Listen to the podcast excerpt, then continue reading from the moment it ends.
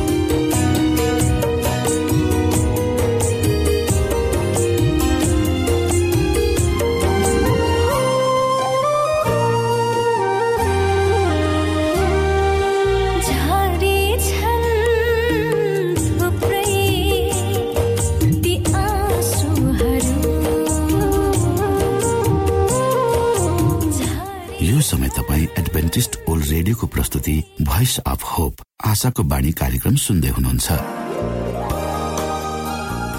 तपाईँ आशाको बाणी कार्यक्रम सुन्दै हुनुहुन्छ।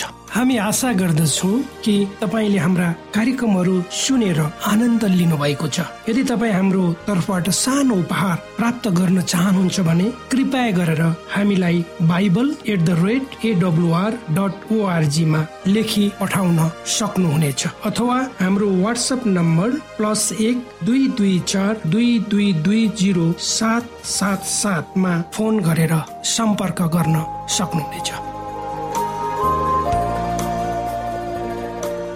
श्रोता मित्र यो समय हामी पास्टर उमेश पोखरेलबाट आजको बाइबल सन्देश सुन्नेछौ। श्रोत साथी न्यानो अभिवादन।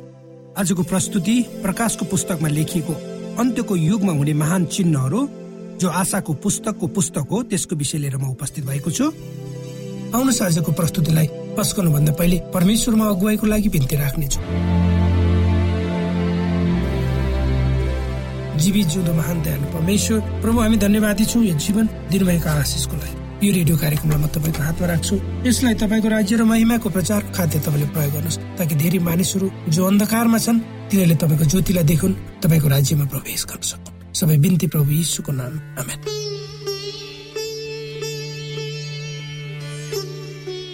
आजको प्रस्तुति प्रकाशको पुस्तकमा लेखिएको अन्त्यको युगमा हुने महान चिन्हहरू जो आशाको पुस्तकको पुस्तक हो त्यसको विषय लिएर म उपस्थित भएको छु र प्रकाशको पुस्तकमा लेखिएको अन्तको समय हुने महान चिन्हहरू। आज हामी संसारका मानिसहरूलाई हेऱ्यौँ भने धेरै मानिसहरू चिन्ताग्रस्त भएको देख्छौँ। भविष्यमा के हुने हो भनेर तिनीहरू सोध्छन् र चिन्ता गर्छन्। अब के हुन्छ भनेर तिनीहरूले अचम्म मानेर हेरिरहेका हुन्छन्। प्रकाशको पुस्तकले भविष्यमा परमेश्वरको योजनालाई स्पष्ट रूपमा प्रकट गरेको छ। यस श्रृङ्खलाको विषयलाई फेरि डोहोऱ्याउ यदि बाइबलमा छ भने म विश्वास गर्दछु। यदि कुनै कुरा बाइबलमा सम्मत छैन भने यो मेरो लागि होइन। यसुको आगमनको महिमित अन्तिम चरणबिन्दुको व्याख्या गर्दै प्रकाशको पुस्तकको सुरु र अन्त्य हुन्छ। प्रकाश एक अध्यायको साथ प्रकाश एक अध्यायको साथ हेर उहाँ बादलहरू साथ आउँदै हुनुहुन्छ र हरेक आँखाले उहाँलाई देख्नेछ तिनीहरूले पनि जसले उहाँलाई घोचे र पृथ्वीका सबै कुलहरूले उहाँको कारण विलाप गर्नेछन्। यसै होस् आमेन प्रकाशको पुस्तकले हामीहरूको आँखा पृथ्वीबाट स्वर्गमा उचाल भनेर औलाउँदछ। हामीहरूका समस्याहरू आघात निराशका जीवनहरूबाट हामीहरूका आँखाहरू माथितिर हेर जहाँबाट परमेश्वरले उहाँको पुत्रलाई यस संसारका समस्याहरूको समाधान गर्न पठाउनुहुन्छ भनेर प्रकाशको पुस्तकले भन्दछ। प्रकाश एकको साथले स्पष्ट रूपमा भन्दछ हेर उहाँ बादलबाट आउँदै हुनुहुन्छ प्रत्येक आँखाले उहाँलाई हेर्नेछ। प्रकाशको पुस्तकको अन्तिम अध्यायले उहाँको आगमनको नजिकको बारेमा पुष्टि गर्दछ। प्रकाश बाइसको बिच यी कुराको गवाई दिनेले भन्नुहुन्छ निश्चय नै म चाँडै आउँदैछु। म छिट्टै आउँदैछु भनेर प्रकाशको पुस्तकमा तीनपल्ट उल्लेख गरिएको छ। प्रकाशको पुस्तक उत्तेजनाले भरिएको छ किनभने परमेश्वरका सबै प्रतिज्ञाहरू पूरा हुने र यसोको आगमन हुने कुरामा सबैले अपेक्षा गरिरहेका छन्। तर एउटा प्रश्न छ कति छिटो छिटो हुन्छ कहिले चाँडो चाँडो हुन्छ र कति नजिक नजिक हुन्छ। युगौं युगसम्म इसाईहरूले उहाँको आगमन नजिक छ भनेर विश्वास गरिरहेका छैनन् र? उहाँ छिट्टै आउँदै हुनुहुन्छ भन्ने भने के तिनीहरूले विश्वास गरेनन् र? के बाइबलमा केही लक्षणहरू चिन्हहरू छन् जसले उहाँको आगमन नजिक छ भनेर औलाउँछ? ताकि तपाईँ व्यक्तिगत रूपमा उहाँको आगमनलाई देख्नुहुनेछ। ती चिन्ह लक्षणहरू के के हुन्? त्यो प्रश्न गर्ने हामी पहिला होइनौ। यसुको आगमन पहिले देखा पर्ने के के चिन्ह वा लक्षणहरू होलान् भनेर थाहा पाउन उहाँका चेलाहरू उत्सुक भएका थिए। तिनीहरूले उहाँ कहाँ आएर सोधे मत्ती चौबिसको तिन। यसो जैतुन डाँडामा बस्नुहुँदा चेलाहरू एकान्तमा उहाँ कहाँ आएर सोधे हामीलाई भन्नुहोस् यी कुरा कहिले हुनेछन्? र तपाईँको आगमन र यस युगका अन्त्यको चिन्ह के हुनेछ? सन् सत्तरीमा यरुसलेमको पतनदेखि संसारको अन्त्यको बीचमा हुने घटनालाई मिलाएर यसुले प्रभावकारी रूपमा आफू आउनुभन्दा अगाडि चिन्हहरूलाई प्रस्तुत गर्नुभएको थियो। यी तत्वहरूमा उहाँको आगमनका चिन्हहरू हुनेछन् भनेर उहाँले भन्नुभएको थियो। धर्मको संसारमा राजनीतिक संसारमा प्राकृतिक संसारमा सामाजिक संसारमा ती चिन्हहरूमा पहिला धर्मको संसारमा मत्ती चौबिसको चौबिस। झुटा क्रिस्टहरू र झुटा अगमवक्ताहरू खडा हुनेछन् र ठुल्ठुला चिन्हहरू र आश्चर्यका कामहरू देखाउनेछन्। यसुको आगमन भन्दा पहिले संसारमा धर्मगुरुहरूको बिगबिगी हुनेछ भनेर हामीले अपेक्षा गर्नुपर्छ।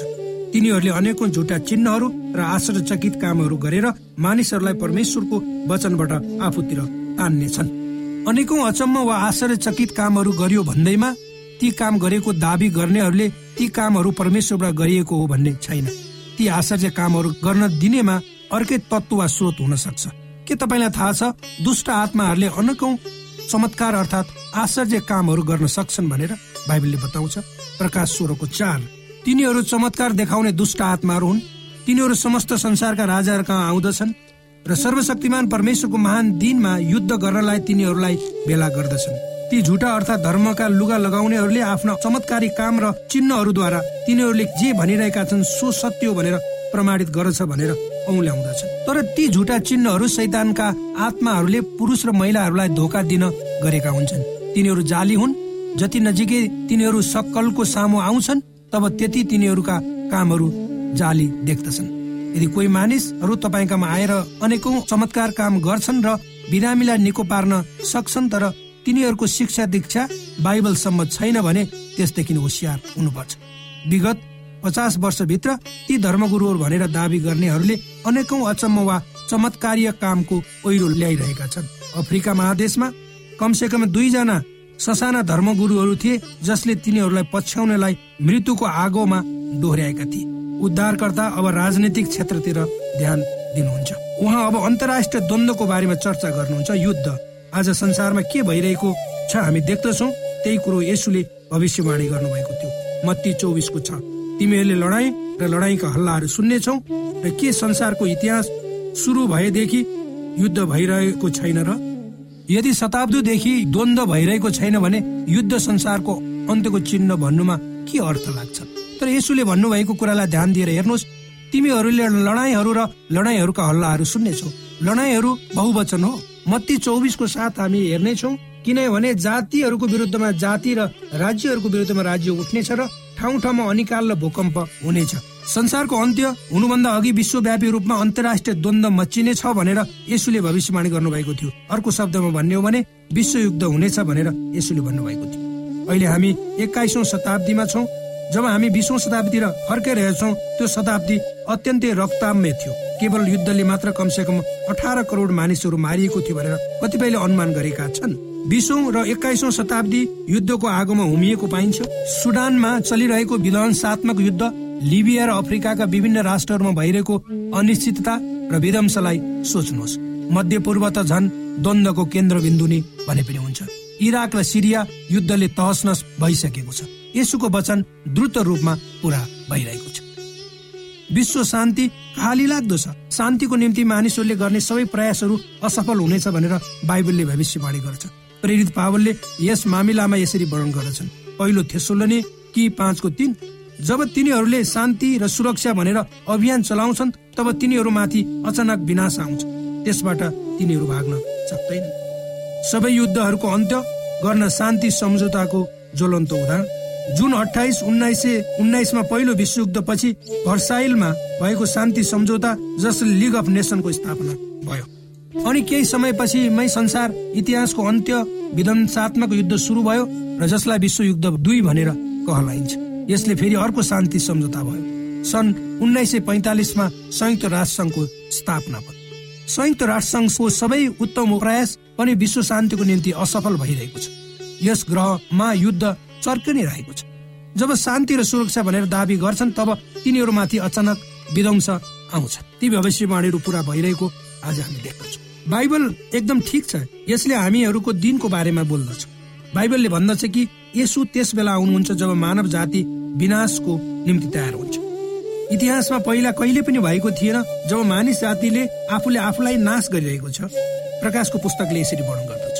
प्रकाशको एघारको अठार। जाति जातिहरू क्रुद्ध भए तर तपाईँको क्रोध प्रकट भयो मरेकाहरूका इन्साफको समय आयो। तपाईँका दासहरू र अगमवक्ताहरू र सन्तहरूलाई र तपाईँको नाउँको डर मान्ने ठुला सानाहरूलाई इनाम दिने समय र पृथ्वीको विनाश गरेलाई नाश गर्ने समय आयो।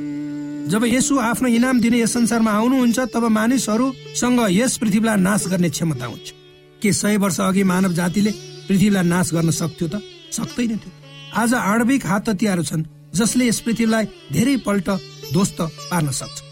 जब संसारलाई त्रासले पक्रिरहन्छ तब उहाँले अनन्त समयको निम्ति हस्तक्षेप गर्न कदम चाल्नुहुनेछ भनेर यसुले भन्नुभएको थियो। हामीलाई उद्धार गर्न उहाँ आउनुहुनेछ। लुका एक्काइसको छब्बिसले भन्छ संसारमा हुन आउने घटनाहरूको आशंकाले मानिसहरू मूर्छा पर्नेछन् किनकि आकाशका शक्तिहरू डगमगाउनेछन्। जब तपाईँ त्रासमा हुनुहुन्छ तब तपाईँको वरिपरि नहेर्नुहोस्। माथितिर हेर्नुहोस् प्रभु आउनु हुने समय नजिकै छ। यसुको आगमनको पाइला मैले सुनेको रहे जस्तो लाग्छ। सारा संसार ठुलो अन्तिम निर्णयात्मक घडीमा चलिरहेको छ। यसुले भन्नुहुन्छ तपाईँको आँखा पृथ्वीबाट माथि उचालेर हेर्नुहोस् र परमेश्वरको वास्तविकतामा केन्द्रित हुनुहोस्। म फर्कनै लागेको छु। प्रकाशको पुस्तकले आशालाई प्रकट गर्छ। धर्मको संसारमा चिन्ह र प्राकृतिक संसारमा चिन्ह यसु क्रिस्ट आउनुभन्दा अघि सारा पृथ्वीलाई सम्हाल्न नसक्ने हुन्छ भनेर बाइबलले भविष्यवाणी गर्छ चक्र हुरी वा टोर्नेडो जताततै आग लागि बाढी पहिरो हुरी बतास हामीले कल्पनै गर्न नसकिने विध्वंसात्मक महामारीहरू बाइबलले भविष्यवाणी गरेको प्राकृतिक प्रकोपहरूमा विश्वव्यापी भोकमरी र अनिकाल हुन्छ मत्ती चौबिसको सात लेख्छ किनभने जातिको विरुद्धमा जाति र राज्यको विरुद्धमा राज्य उठ्नेछ र ठाउँ ठाउँमा अनिकाल र महामारी भूकम्प हुनेछ मत्तीको पुस्तक चौबिस अध्यायको सात लेख्छ अनिकाल महामारी र भूकम्पहरू ठाउँ ठाउँमा हुनेछ। श्रोता भर्खरै यहाँले पास्टर उमेश पोखरेलबाट बाइबल वचन सुन्नुभयो। यो समय तपाईँ एडभेन्टिस्ट ओल्ड रेडियोको प्रस्तुति भोइस अफ होप आशाको बाणी कार्यक्रम सुन्दै हुनुहुन्छ। कार्यक्रम सुनेर बस्नुहुने सबै श्रोतालाई हामी हाम्रो कार्यक्रममा स्वागत गर्न चाहन्छौ। श्रोता मित्र यदि तपाईँ जीवनदेखि हरेस खानु भएको छ तपाईँका जीवनमा धेरै अनुत्तरित प्रश्नहरू छन् भने आउनुहोस् हामी तपाईँलाई परमेश्वरको ज्योतिमा डोहोर्याउन चाहन्छौ। र तपाईँ आफ्नो जीवनका चिन्ता फिक्रीबाट निश्चिन्त हुनुहोस् र बाँच्नुको आनन्द परमेश्वरको सामिप्यमा कति मिठो हुन्छ त्यो चाख्नुहोस् भनी हामी चाहन्छौँ। श्रोता यदि तपाईँ आशाको बाणी कार्यक्रमलाई अनलाइन सुन्न चाहनुहुन्छ वा डाउनलोड गर्न चाहनुहुन्छ भने डट ओआरजीमा जानुहोस्। त्यहाँ तपाईँले प्रत्येक दिनको कार्यक्रम सुन्न र डाउनलोड गर्न सक्नुहुनेछ। हाम्रो वेब पेज यस प्रकार छ W W W dot AWR dot ORG श्रोता यदि तपाईँ हामीसित सिधै फोनमा सम्पर्क गर्न चाहनुहुन्छ भने हाम्रा नम्बरहरू यस प्रकार छन्। अन्ठानब्बे एकसाठी पचपन्न शून्य एक सय बिस अन्ठानब्बे एकसाठी पचपन्न शून्य एक सय बिस र अर्को अन्ठानब्बे अठार त्रिपन्न पन्चानब्बे पचपन्न। अन्ठानब्बे अठार त्रिपन्न पन्चानब्बे पचपन्न।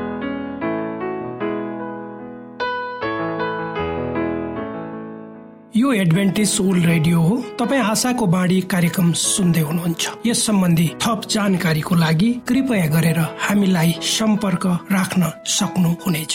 हाम्रो इमेलको ठेगाना Bible at the rate AWR dot ORG अर्थात् BIBLE at AWR dot ORG हो। तपाईँ हामीलाई हाम्रो वाट्सएप नम्बर प्लस एक दुई दुई चार दुई दुई दुई जिरो सात सात सातमा पनि कल गरेर सम्पर्क राख्न सक्नुहुनेछ। अर्थात् प्लस एक दुई दुई चार दुई दुई दुई जिरो सात सात सात।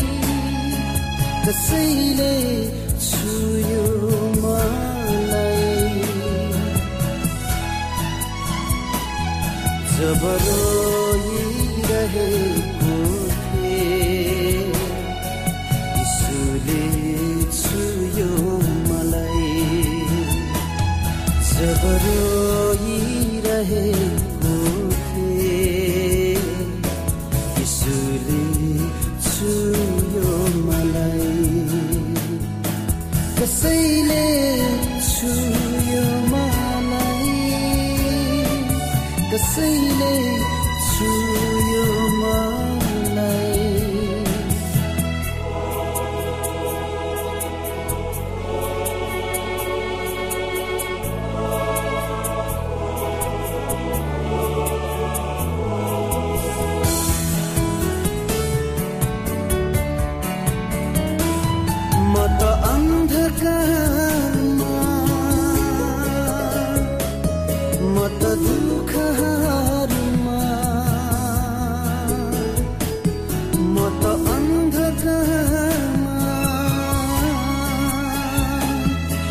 त दुःखहरूमा जब रोइरहेको थिएँ यीशुले छुयो मलाई। जब रोइरहेको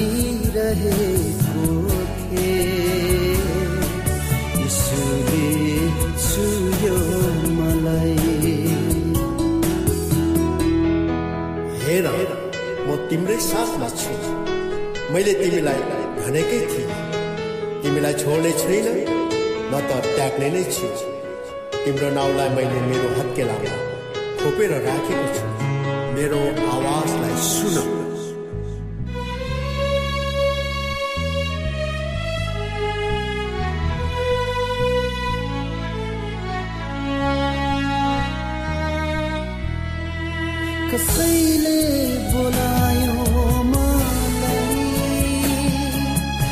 कसैले बोलायो मलाई?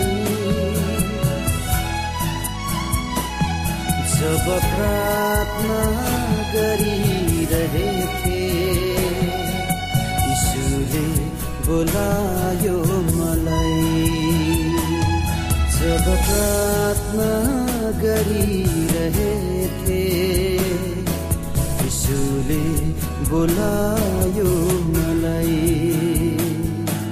कसैले बोलायो मलाई। कसैले बोलायो मलाई। प्रभु तपाईँको बाटो हेर्नेका लागि काम गर्ने परमेश्वर अरू को छ? केवल तपाईँसँग रहनलाई पवित्र स्थानको तृष्णा गरेको छु। मलाई नछोड्नुहोस् मेरो चोटै चोटमा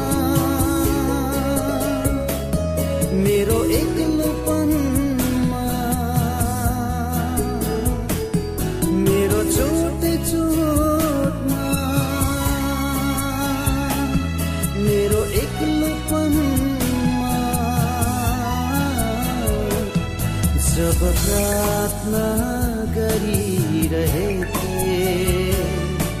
यीशुले बोलायो मलाई। जब प्रार्थना गरिरहेथे यीशुले बोलायो मलाई। कसैले छुयो मलाई। कसैले छुयो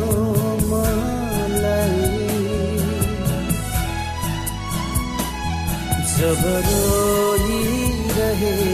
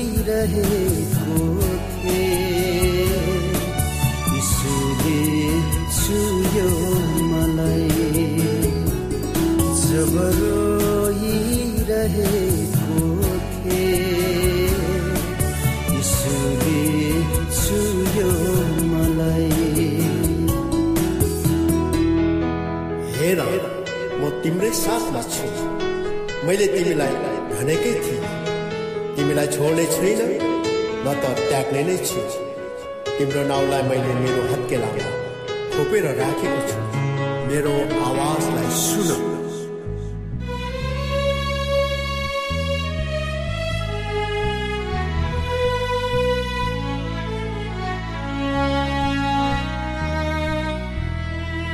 कसैले बोलायो मलाई?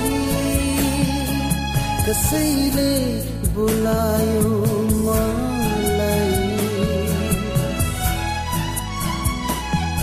जब प्रार्थना गरिरहेथे यीशुले बोलायो मलाई।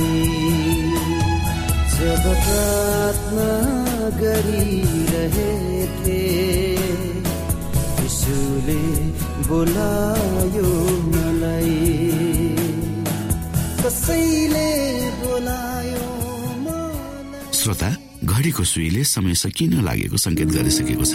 श्रोतासँग अरू समय बिताउने चाहना हुँदा हुँदै पनि हामीले कार्यक्रमबाट विदा माग्ने समय आइसकेको छ। हाम्रो कार्यक्रमको विषयमा जानकारी लिनको लागि हाम्रो कार्यक्रममा सम्पर्क गर्नका लागि हाम्रो ठेगानाको बारेमा यहाँलाई जानकारी गरौं। आशाको बाणी पोस्ट बक्स नम्बर दुई शून्य शून्य शून्य दुई काठमाडौँ नेपाल। यसै गरी श्रोता यदि तपाईँ हामीसित सिधै फोनमा सम्पर्क गर्न चाहनुहुन्छ भने हाम्रा नम्बरहरू यस प्रकार छन्। अन्ठानब्बे एकसाठी पचपन्न शून्य एक सय बिस। अन्ठानब्बे एकसाठी पचपन्न शून्य एक सय बिस। र अर्को अन्ठानब्बे अठार त्रिपन्न पन्चानब्बे पचपन्न। अन्ठानब्बे अठार त्रिपन्न पन्चानब्बे पचपन्न। श्रोता तपाईँ हामीलाई इमेल पनि गर्न सक्नुहुन्छ।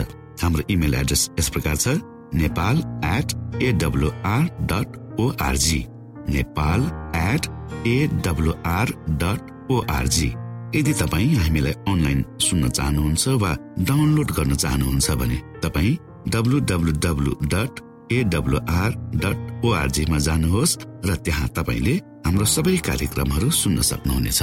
हवस् त श्रोता हाम्रो कार्यक्रम सुनिदिनु भएकोमा एकचोटि फेरि यहाँलाई धन्यवाद दिँदै भोलि फेरि यही स्टेशन र यही समयमा भेट्ने बाजा गर्दै प्राविधिक साथी राजेश र पास्टर उमेश पोखरेल र कार्यक्रम प्रस्तुता म रवि यहाँसँग विदा माग्दछौ। परमेश्वरले तपाईँलाई धेरै धेरै आशिष दिनु भएको होस्। नमस्कार।